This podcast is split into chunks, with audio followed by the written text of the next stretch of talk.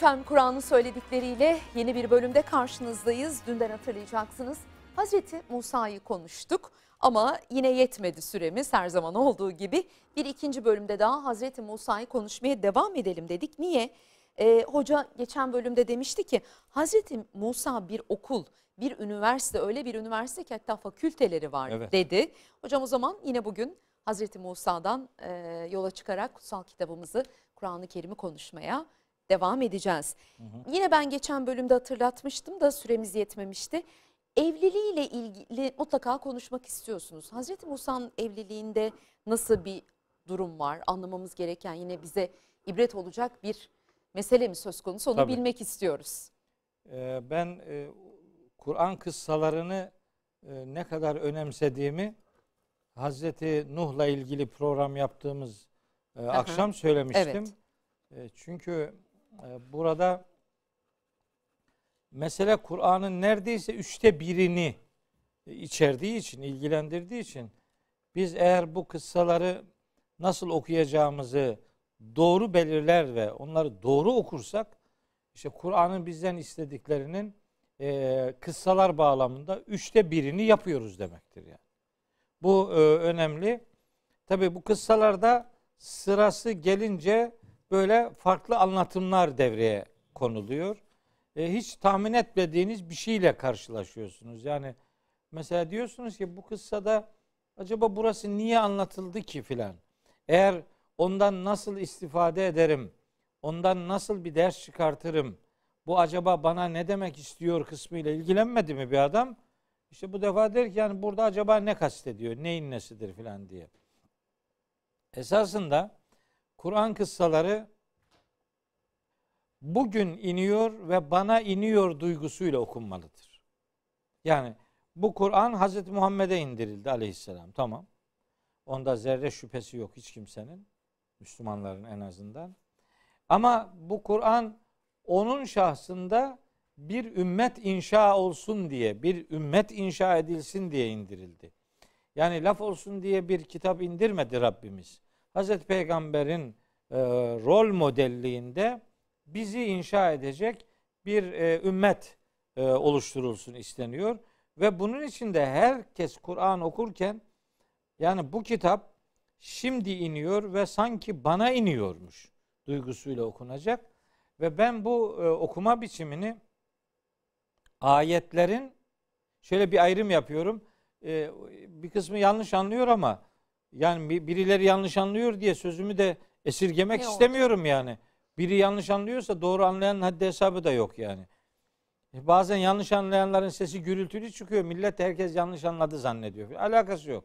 Onlar istismar ediyorlar, işte abartıyorlar filan. Ee, ben diyorum ki Kur'an'ın e, bir dediği vardır. Bir de demek istediği vardır. Böyle bir ayrım yapıyorum ben.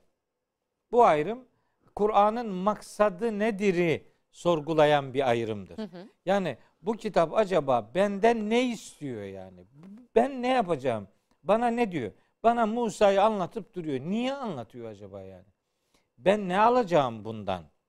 Şöyle mi anlamalıyız? Kesin hükümler mesela yasaklanmış şeyler var ya bize ya da yapmakla yükümlü olduğumuz görevler, farzlar var. Bunlar dediği bir de kıssalar yoluyla demek istedikleri gibi mi? Yani bu mudur? Doğru mu anladık? Sadece kıssalar değil. Başka konular da Başka, var. yani. evet. Başka o ilahi emirlerde de ne demek istediğiyle alakalı sorular sorarız biz. Bir örnek vereyim size. Lütfen daha Hazreti Peygamber'e. Hazreti Peygamber'e hitaben mesela İsra suresinde diyor ki Allahu Teala ve kada rabbuke alla ta'budu illa iyyahu. Rabbin kendisinden başkasına kulluk etmemenizi hükme bağlamıştır ve bil valideyni ihsanı ana babaya iyiliği hükme bağlamıştır. Sonra diyor ki bakın surenin 20 23. ayet. İsra 23. İmma yeblughanne indekel kibere ahaduhuma ev kilahuma. Peygamberimize hitaben. Eğer diyor o ana babanın birisi veya ikisi senin yanında yaşlılığa erişirse peygamberimize diyor. Ana babanın her ikisi veya bir tanesi yanında yaşlılığa erişirse fela tekul lehuma üffin. Sakın ha onlara öf deme. Deme. Ve la tenherhuma sakın onları azarlama ve kullehuma kavlen kerima onlar için böyle değerli güzel sözler söyle diyor. Tabi 24. ayette devam ediyor. Ben e, o detay e, mesele o olmadığı için oraya girmiyorum. Peki kim diyor bunu? Rabbimiz diyor. Kime diyor? Muhatap kim? Hazreti Peygamber. Ne diyor ona? Ana baban yaşlılığa ulaşırsa senin yanında ikisi veya biri sakın ha onlara öfkele. Peygamberimizin yaşlılığa erişen yanında yaşlılığa erişen ana babası var mıydı? Yok. Değil mi? Daha doğmadan babası vefat etmişti. İşte 6 yaşındayken de annesi vefat etmişti. Bakın ayetin dediği ne? Belli. Dediğini anladık. Ama ne demek istediğini anlamak durumundayız. Anladım. Demek istediği nedir? Her kim olursa olsun yaşlılığa erişen ana babası varsa sakın ha onlara öf bile demez. Bu kadar basit. Demek ki ne demek istediği diye bir konu başlığı var yani. Yoksa Allah'ın dedikleri anlaşılmıyor demek değil. Bunu söylemiyorum ben. Bu ayetlerin hayata taşınması için, bu Kur'an'ın bize de inmesi için, bizim hayatımıza dokunması için acaba bana ne demek istiyor? Ben bu ayetleri okuyunca nasıl bir tavır geliştirmeliyim? Bu yani yarın ruzi mahşerde Allahü Teala kitapla iletişimimizi, ilişkimizi soracak. Yani ben zaman zaman söylüyorum. Her Müslüman her güne Kur'an benim neyim olur sorusuyla başlamalıdır. Kur'an benim neyim olur? Sabah, sahurda, seherde, işte şimdi sahur vakitlerinde kalktığında ilk iş olarak eline Kur'an alsın. Bu Kur'an benim neyim olur diye soru sorsun. Sonra akşam yatarken de yine Kur'an eline alsın. Bu Kur'an benim neyim oldu bugün? Bir de Z, Z raporu alsın bakalım. Bakalım günün içerisinde Kur'an'ı hayatının neresine ne kadar karıştırmış. Bizim kimse Kur'an benim neyim olur sorusunu sormuyor. O soruyu sorduğunda Kur'an onun hayatına dokunacak. Onun için indirildi. Onun için 23 yılda indirildi. Bu kadar yarım çeyrek asra yakın bir dönemde indirilişinin zamana yayılmasının temel sebebi hayata okunması ve hayata dokunmasıdır. Hayatı dokumasıdır. İşte bu dokunulsun istediğimiz e, unsurlar itibariyle Allah'ın kitabının özellikle kıssalar eliyle bize verdiği çok muhteşem ev ödevleri ve hayat pratikleri örnekleri vardır. Muhteşem. Bunlardan biri de Hz. Musa'nın e, kıssasında yer alan evliliği işi. Nedir olay? Olayı kısaca anlatayım. Ayetleri anlatayım. Benim böyle hikaye masal anlatmadığımı bilir izleyiciler. E, doğrudan ayetini söyleyeyim. Kasas suresi Kur'an-ı Kerim'in 28. suresidir. Bu surenin 23. ayetinden 28. ayetine kadar böyle kısa bir pasaj var. 6 ayetlik bir pasaj. Pasaj şu. Hani Hz. Musa bir delikanlıyı öldürdü, öldümüne sebep oldu demiştik ya bir önceki programda.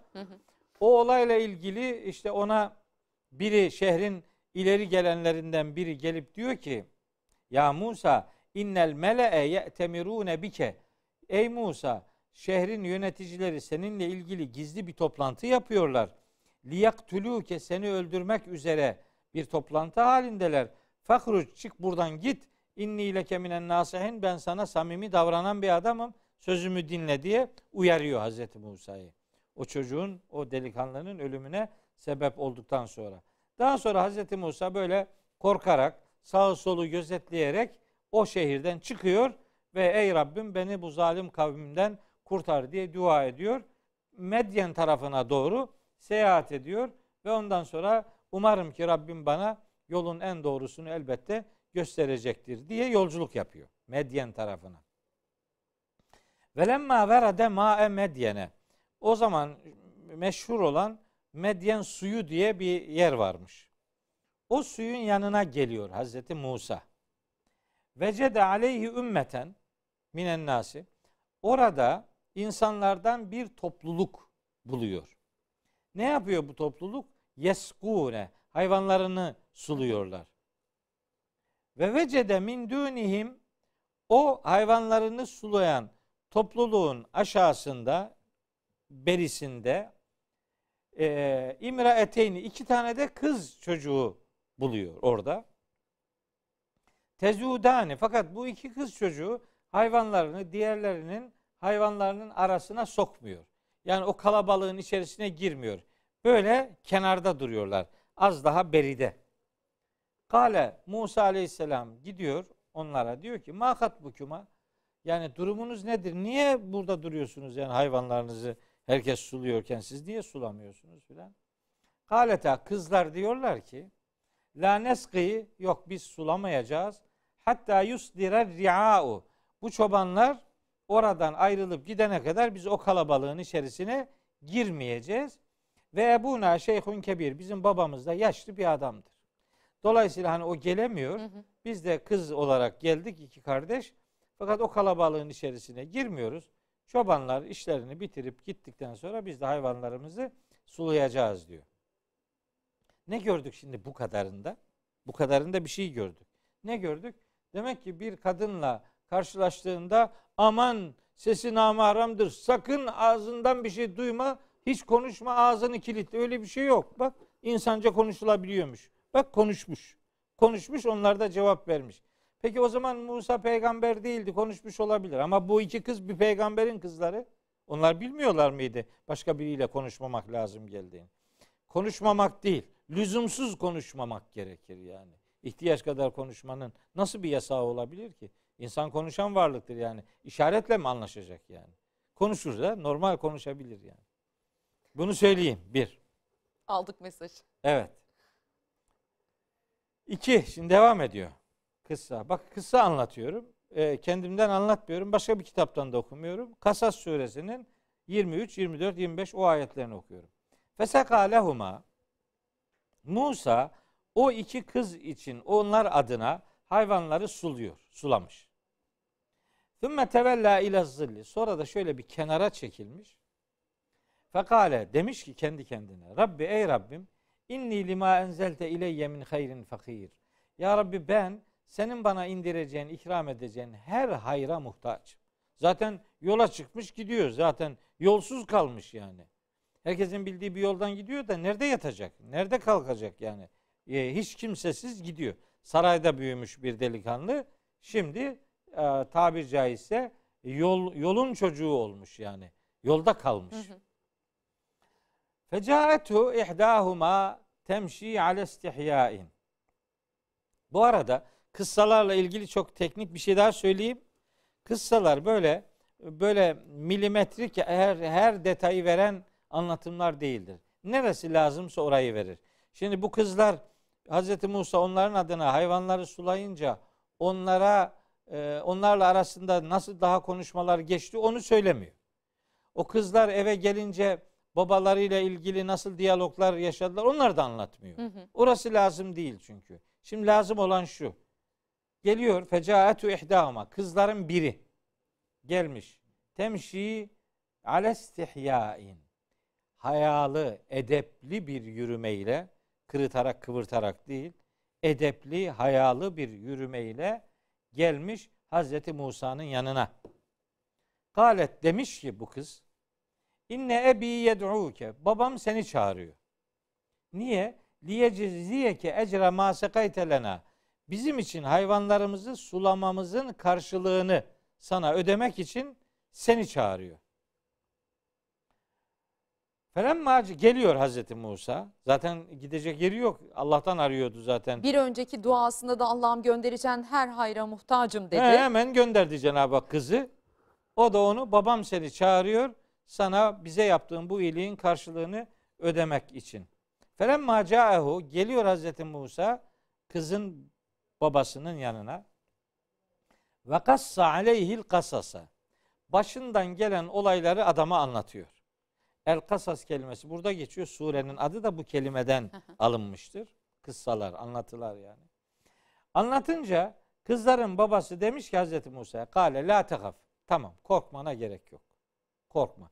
Niye korkuyordu? Çünkü ölüm cezası vereceklerdi. Onun için kaçtı. Necevte minel kavmiz zalimin. Artık o zalim kavimden kurtuldun. Herhangi bir şekilde korkmana gerek yok. Bunun üzerine bu zat kızların babası Hazreti Musa'ya şöyle diyor. Galet e, şey ondan önce öbür ayeti atlamayayım. Galet ihdahuma kızların biri babasına diyor ki ya ebeti ey babacığım istecirhu bunu ücretle yanında tut. Bunu ücretle tut. Ücretli bir eleman olsun yanında.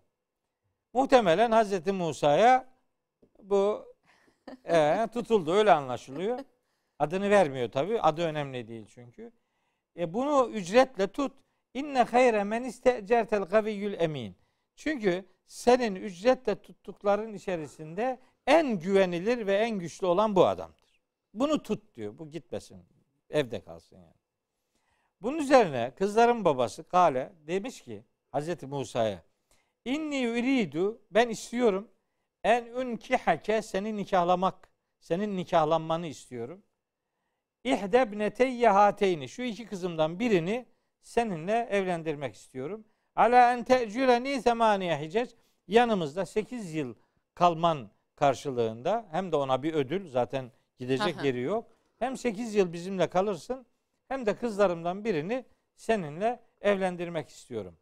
Ha, fein etmem teaşren. Sen bu 8 yıllık süreyi 10 yıla tamamlarsan femin indik bu senin bileceğin iştir yani sen bilirsin. Ve ma uridu en eşukka aleyke. Bu konuda sana herhangi bir zorluk dayatma içerisinde bulunmak istemiyorum. Setecidüni inşallah mine salihin. Zaten beni de bu noktada işini düzgün yapanlardan biri olarak bulacaksın diyor. Kızların babası. Kale zâlike beyni ve beynek. Hazreti Musa da diyor ki tamam bu benimle senin aranda bir durumdur, bir sözleşmedir. Eyyemel eceleyni kadaytu. Bu iki sürenin hangisini yerine getirirsem fela udvane aleyye bana herhangi bir düşmanlık yapmayacaksınız. Yani şunu tercih ettim Hı tamam. Vallahu ala ma nekul vekil. Allah da bizim söyleyip durduğumuz her şeyin vekilidir, kefilidir diye bu diyalog bitiyor. Ne oldu şimdi burada? Ne oldu? Bir peygamberin başka insanlarla diyaloğu gündeme geldi. Sonra başka bir peygamberin kızlarından birini bir başkasına teklif etmesi gündeme geldi. Teklifi kim yaptı? Kızların babası. Yani Peygamber. yani kız Yani tarafı. is- ha evet kız tarafı. Evet. Kız tarafı ne yapıyormuş? Evlilik teklif ediyormuş. Kızın babası damada kızını kendisi teklif ediyormuş. Siz böyle bir şey duydunuz mu hiç? Böyle bir şey var mı yani? Sen bırak kızın o kızın babası kızını bir damada teklif etmeyi. Gidip 50 kere istiyor gene vermiyor adam yani. Başlık parası istiyor, bilmem ne istiyor, şartlar ortaya koşuyor, bilmem vermiyor yani. Bakın oysa bunun Kur'ancası bu evlilikte teklif kız tarafından geliyormuş. Yani bu yapılabilir, olabilir bir şey. Olmalıdır. Olmalıdır da. Kur'an'da böyle anlatıldığına göre bunun doğrusu bu değil mi? İnsan kendi kızının münasip, uygun birine gitmesi için kendisi arayış içerisinde bulunması gerekmez mi yani? Daha iyisi bu değil midir? Karşına çıkan öyle çıkar, böyle çıkar, şöyle çıkar. Ya da çıkmaz. Senin bunu araman, kızın adına bunun için bir çalışma yapman Kur'an'ın önerdiğidir. Ve bizim peygamberimiz Hz. Muhammed Aleyhisselam'ın evlilikleri de böyle şekillenmiştir. Bu peygamber sünneti bizim peygamberimizin de hayatında görülmüştür. Hz. Hatice ile evliliğinde teklif Hz. Hatice'den gelmiştir. Hz.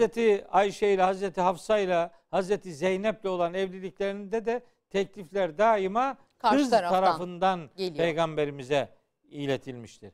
Hazreti Peygamber kendi kızlarını da damatlarına kendisi teklif etmiştir. Bunun Kur'ancası bu. Peygamberimizin hayatındaki örnekler bu. Bizim memlekete geliyorsun. Kızını teklif etsen bir damat bulsan da filan olmaz mı? Niye benim kızım öyle mi böyle mi şöyle mi niye Tabii, yapamayacakmışım? tabii. Bizde başka türlü yerleşmiş durum. Tabii tabii. Anlatıp Tam duruyor. zıttı yani. Hiç yani bunun Kur'ancası bu değil. Üzgünüm yani. Yani babalar kızlarına uygun gördükleri bir damat adayı varsa bir teklifle Tabii. gidebilirler çok rahat. Çünkü e, kutsal kitabımızda Hz. Musa'nın evliliği bunun üzerinden bize anlatılır. Kaldı ki peygamberimizin evlilikleri de benzer şekilde gerçekleşmiştir diyor. Şimdi Mehmet ben bundan Okuyan. bu sonucu çıkartıyorum. Niye biliyor musunuz? Peki neye yarayacak burası? Bu bundan bu kıssa sonuç- niye anlatıldı değil Bu- mi? Evet. Hı. Burası eğer bizim hayatımıza dokunmayacaksa, evlilik hayatına dokunmayacaksa, sözleşmeler yapılması ahlakını öğretmeyecekse, efendim evlilik teklifinin kimden geleceğine dair bir bilinç vermeyecekse, Kasas suresi 23 ila 28. ayetlerin bu kıssanın arasında yer almasının nasıl bir e, esprisi olacak? Biz onun için kıssaları güne ve hayata Bizim, okundu, dokunduracağız. gündelik hayatta kullanmayacağımız, hayatımıza vurmayacak, hayatımıza dokunmayacak hiçbir bilgi de kutsal kitabımızda yer bulmuyor değil mi Aynen öyle. Varsa o bilgi Mutlaka hayatımıza dokunmalı. bir yeri karşılıyordur. Mutlaka bir yerde zaten kıssaları kıssa kelimesini anlattığım o programda da ifade etmiştim. Yani kıssa demek zaten e, makaslayarak anlatmak demek. Makaslamaktan kasıt da En vurucu yerlerinden. evet içinde ders ve ibret olan hayat kesitlerinin aktarılması demektir yani. Peki mucizelerinden konuşalım mı Hazreti Musa'nın hocam? Konuşalım. Dokuz mucize demiştiniz yanlış hatırlamıyorsam. Evet ben değil mi? Kur'an söylüyor. Ee, evet. tamam. Evet. Nerede yani Kur'an-ı Yani Kerim'de Kur'an söylüyor ama hatırlatan bize sizsiniz. Evet, o bapta evet. ben de e, bu Tabii. cümleyi kurdum. ben de zaten Latife, latife yapıyorum. Ee, çok da beceremem latife yapmayı ama e, ya benim her dediğim Kur'an'dır demek de değil şimdi. Bu da bu da yanlış anlaşılmasın. Zannede, zannedecek ki bak her sözünü Kur'an gibi satıyor millete. Yok e- estağfurullah. Ayetini okuduğum yer Evet. Kur'an'dır yani. Ayetini okumadıysam niye Kur'an diye söyleyeyim? Dokuz mucize. Dokuz mucizesi var Kur'an-ı Kerim'de Hz. Musa'nın anlatılan. Bu mucizelerin önemli bir bölümü e, Araf suresinin 133. ayetinde sayılır. Araf yani 7. surenin 133. ayetinde.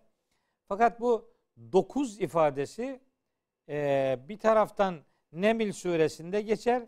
Tis'a ayatin diye e, Musa'ya verilen dokuz mucize anlamında Nemil suresinin 12. ayetinde bir geçer. Bir de bu dokuz ifadesi İsra suresinin 101. ayetinde geçer. Ayet numaralarını yanlış söylemeyeyim diye açıp bakıyorum. 101. ayetinde geçiyor. Evet. 9 mucize. Nedir bunlar? Bu 9 mucize hani dediğim gibi Araf 133'te epey bir kısmı var. Ama ben onları teker teker hangileri olduğunu söyleyeyim.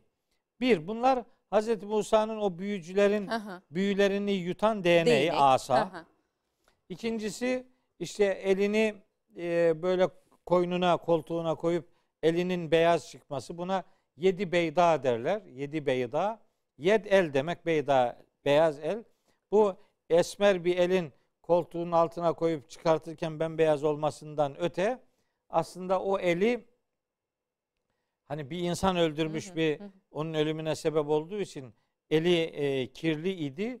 E, tevbesi kabul edildiği Ha, için Allahu. Teala'nın o te- onun tertemiz olması demek. Artık günah e, yükünden kurtulması demek. Üçüncü mucizesi denizin yarılması mucizesi. Hı hı. Dördüncüsü e, bir kayaya vurup oradan 12 suyun fışkırması.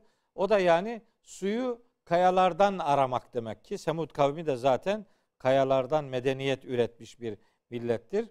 Oradan suyu hani ekmeğini taştan çıkarmak, Çıkarmak. derler ya. İşte bu öyle bir şey yani. Taştan su çıkarmak.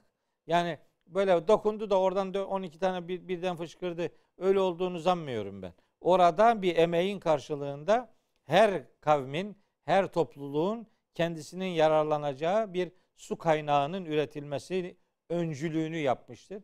Belki vahiy o suyun nereden çıkacağını Hz. Musa'ya bildirerek doğru yerde çalışmanın önü açılmıştır. Sonra işte tufan olmuştur. İçinde Firavun'un da o diyaloğu mutlaka Hı hı. konuşalım bugün. O boğulma anında Firavun'un e, neler söylediği, ne olup bittiği onu mutlaka konuşmak istiyorum. O Bak- zaman bence e, sayın bitirin hemen geçelim. hemen geçelim. Vakti daha ekonomik kullanmak adına. Sonra bir çekirge çekirge sürüsü var. Sonra işte yaban sineği, kımıl deniyor. O Öyle bir ceza var İsrailoğullarına. Sonra bir kurbağa istilası var. Sonra suyun kana dönüşmesi anlamında bir mucize var. Sonra da onların üzerine İsrailoğullarının üzerine böyle dağın kaldırılması. Hani ne- yani e, dünya başıma yıkıldı dercesine öyle ko- korkunç bir felaketin onların üzerine e, dö- e, yaşanması anlamında 9 tane mucizeye Kur'an-ı Kerim Hazreti Musa'nın hayatından bize örnek sunar. Onu bir vesileyle ifade edeyim. Belki bunların içerisinde hani her birini böyle maddi e, ilişkilerle e, izah edemeyiz. Yani hepsi maddi olarak şöyledir böyledir diye nasıl diyelim yani. Bu mucize ise zaten bu Adı sıra üstünde. dışı bir şey. Evet. Ee, önceki peygamberlere bu anlamda mucizeler verildiğini biz biliyoruz. Ee, bunların nasıl olduğunu hepsini kalem kalem izah etmek durumunda değiliz. Buna imkanımız da yok. Fakat bir kısmını biraz olsun anlama imkanımız da varsa onları da anlaşılmazlığa terk etmenin bir gereği yoktur yani. Mesela e, bu iki denizin yarılması Evet. meselesi, denizin yarılması olayını ben çok e, incelemiştim vakti zamanında. Yani acaba bu neyin nesidir? Bu, bu, bu nasıl oldu acaba? Filan diye böyle coğrafyacılardan hani bu işi bilen bilim insanlarından çok farklı şeyler dinledim. E, bu dinlediklerimden beni e, diğerlerine göre daha çok etkileyen bir e, sunum olmuştu. E, o sunumun e, sahibini de söyleyeyim. Buradan ona selam göndermiş olayım. Samsun'da e, 19 Mayıs Üniversitesi e, Fen Edebiyat Fakültesi Coğrafya bölümünde öğretim üyesi bir ağabeyimiz var bizim. Profesör Doktor Ali Uzun. Ben ondan öğrendim. Allah ondan razı olsun. Pek çok ayeti onunla birlikte çok çalışmıştım. Bu arada embriyoloji ile ilgili e, Nusret Çiftçi hocamız var. Ondan histoloji bölümünden. Ondan çok şeyler öğrendim.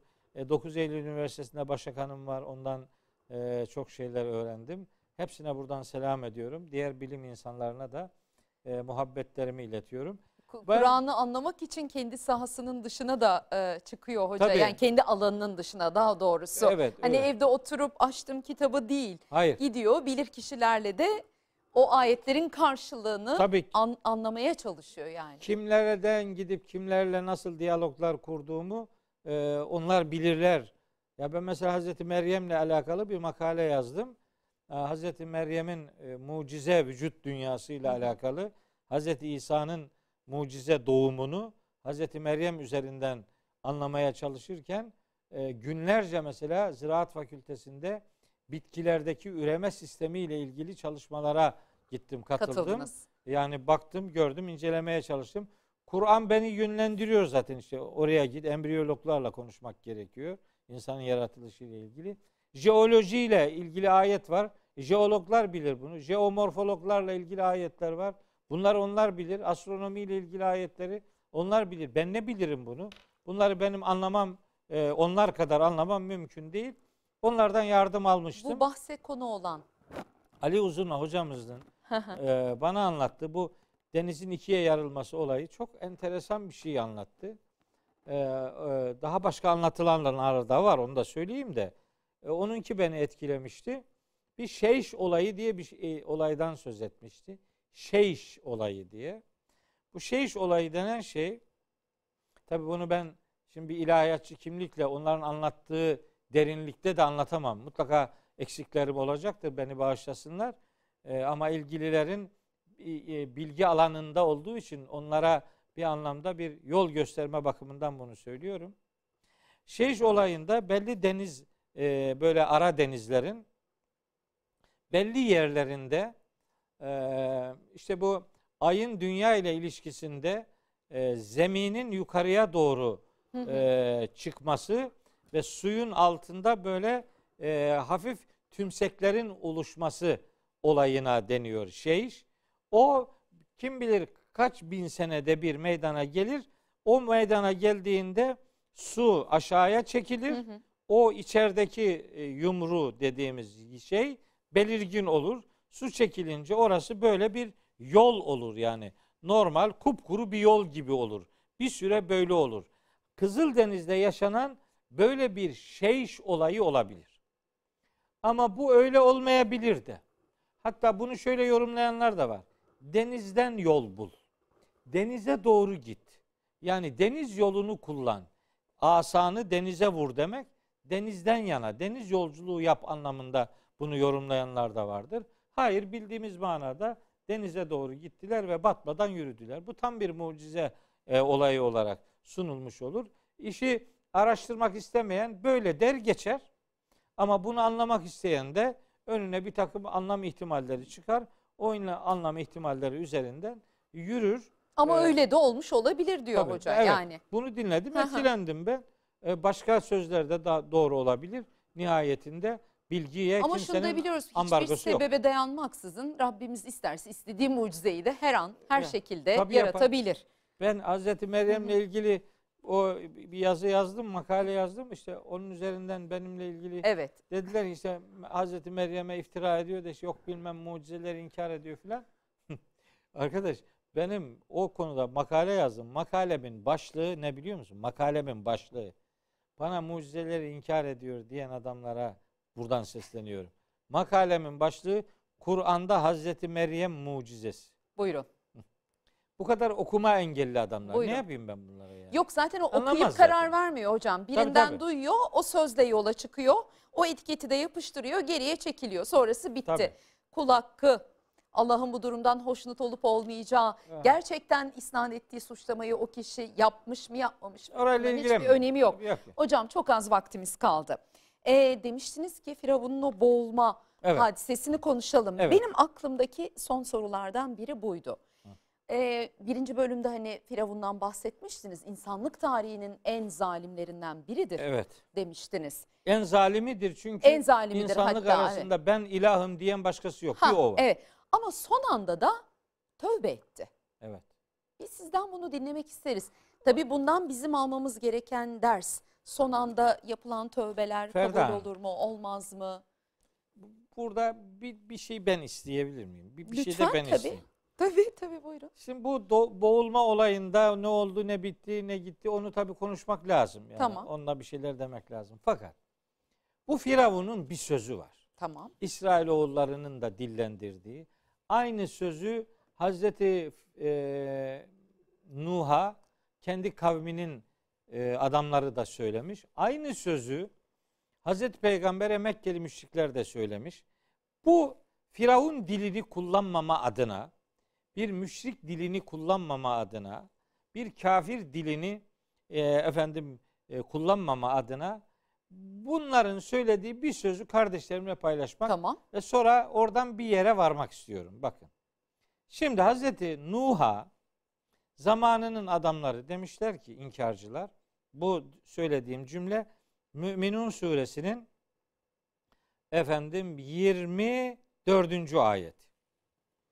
Hazreti Nuh'a hakaretler ediyorlar ediyorlar. Sonunda diyorlar ki ma semi'na bihada fi abainel evveli. Biz bunun dediklerini, bunun dedikleri Hazreti Nuh yani. Hı hı. Onun dediklerini önceki atalarımızdan hiç duymadık. Bu nereden çıkarıyor bunları? Hazreti Nuh'u atalarının söylemediği sözü söylemekle itham ediyorlar. Ve onun peygamberliğini reddediyorlar. Yeni şeyler söylüyor diye. Kim? Hazreti Nuh'un kafir, inkarcı muhatapları. Nerede geçiyor bu? Müminun suresi 24. ayet. Bu ifadenin hemen hemen aynısı İsrailoğullarının ve Firavun kaynaklı bir düşüncesi olarak Kasas suresinin 36. ayetinde geçiyor. O ayette diyor ki bu İsrailoğulları Hazreti Musa için ve ma semi'na yani bunun dedikleri uydurulmuş birer büyüdür. Ma hada illa sihrun müfteren. İftira edilmiş bir büyüdür bunun dedikleri. Ve ma semi'na bihada ve bunun dediklerini biz duymadık. Fi abainel evvelin. Eski atalarımızın arasında bunun dediklerini hiç duymadık diyorlar, demişler. Onların bu sözü söylemesi hangi ayetti? Kasas suresi 36. ayet. Onların bu sözü söylemesinin az itekleyici gücü sözü Firavun'un Hazreti Musa ile ilgili şu çıkışıdır. Bunu da hatırlatmak istiyorum. Mümin suresinin 40. surenin 26. ayeti. Orada Allahu Teala buyuruyor ki ve kâle firavun firavun demiş ki zeruni ektul Musa bırakın beni ben bu Musa'yı öldüreceğim ve led'u rabbehu o da Rabbine dua etsin bakalım kurtarabilir mi onu?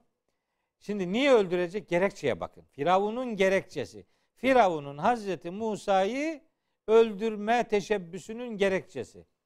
İnni ben ehafu korkuyorum.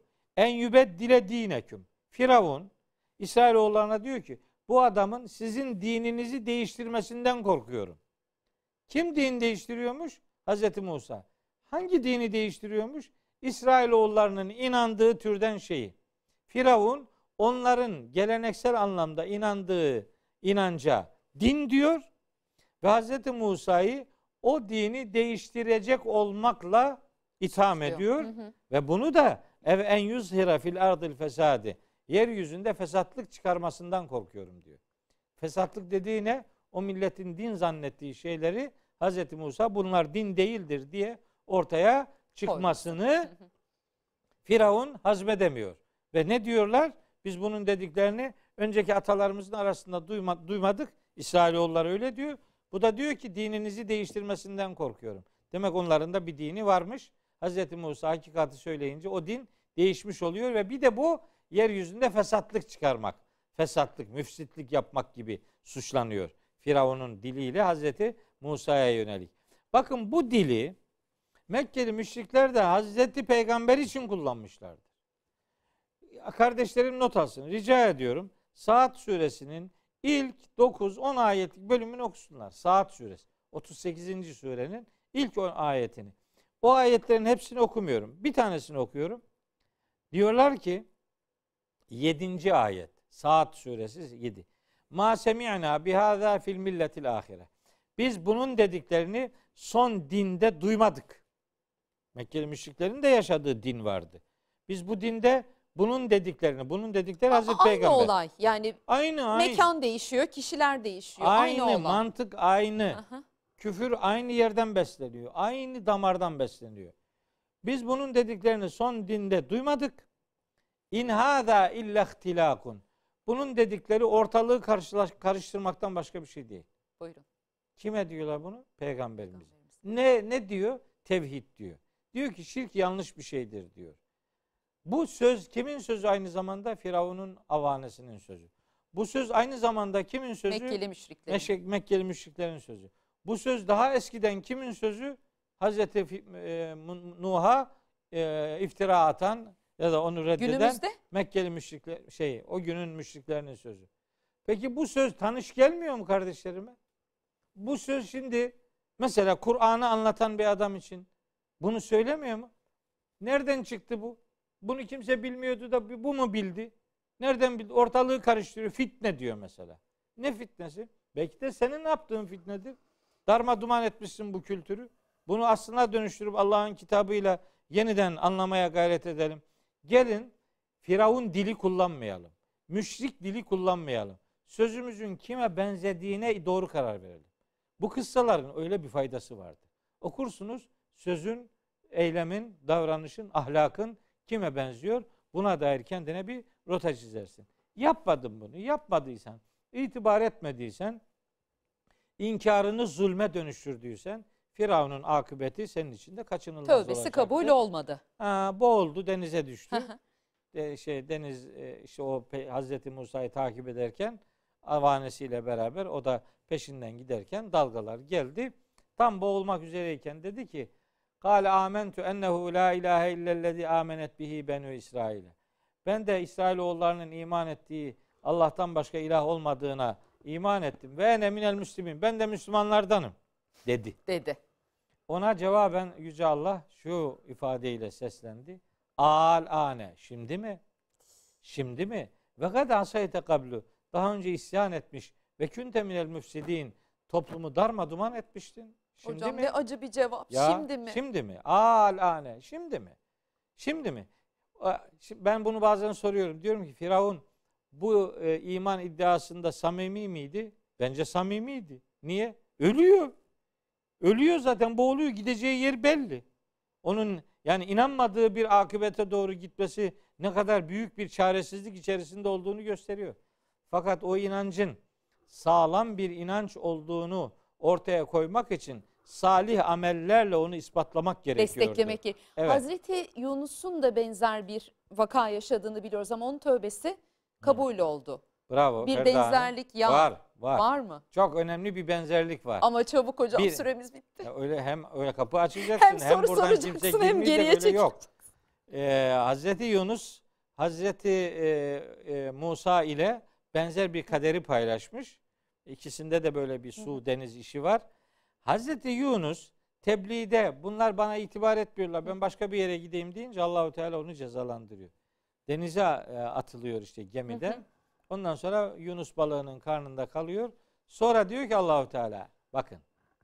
Felevla ennehu kâne minel müsebbihin. Bu Saffat suresinde anlatılıyor. Eğer o tesbih edenlerden yani hayatını Allah adına Allah rızası için yaşayıp hayatını Allah'a adayan biri olmasaydı lele bi sefi batnihi ila yevmi yub'asun. O balığın karnında mahşer kurulana kadar orada Kalırdı. kalacaktı. Peki onu kurtaran neymiş? Geçmişte yaptığı düzgün hareketler ve salih Sabrı amellermiş. bir de. Bir Mi? de sabır tabii ki. Bu öbürü bunun geçmişinde hiçbir şey yok. Son, Son anda, anda. tak diye bundan kurtul kurtulayım. Öyle anlatıyorlar. Son anda iman edersin filan. Öyle olmaz. Kim dedi ya? Ne iman ediyorsun? Son anda oraya kadar her herzeyiye son anda o imanında salim olduğunu, sahih olduğunu, samimi olduğunu gösterebilecek bir zamanın yok ki. O zaman kalmayınca iman Cevap da iddia- şu oluyor. Şimdi İman mi? iddiaları birer sadece bir slogandan ibaret kalıyor. Ona verilecek cevap al ane. Şimdi, Şimdi mi? mi aklında geçti? Artık onun hiçbir geçerliliği yok maalesef. Çok teşekkür ederiz hocam. Ağzınıza sağlık. Bugünü de tamamlıyoruz ama yarın aynı saatte Kur'an'ın söyledikleriyle yeniden karşınızda olabilmeyi ümit ediyoruz. Hoşçakalın.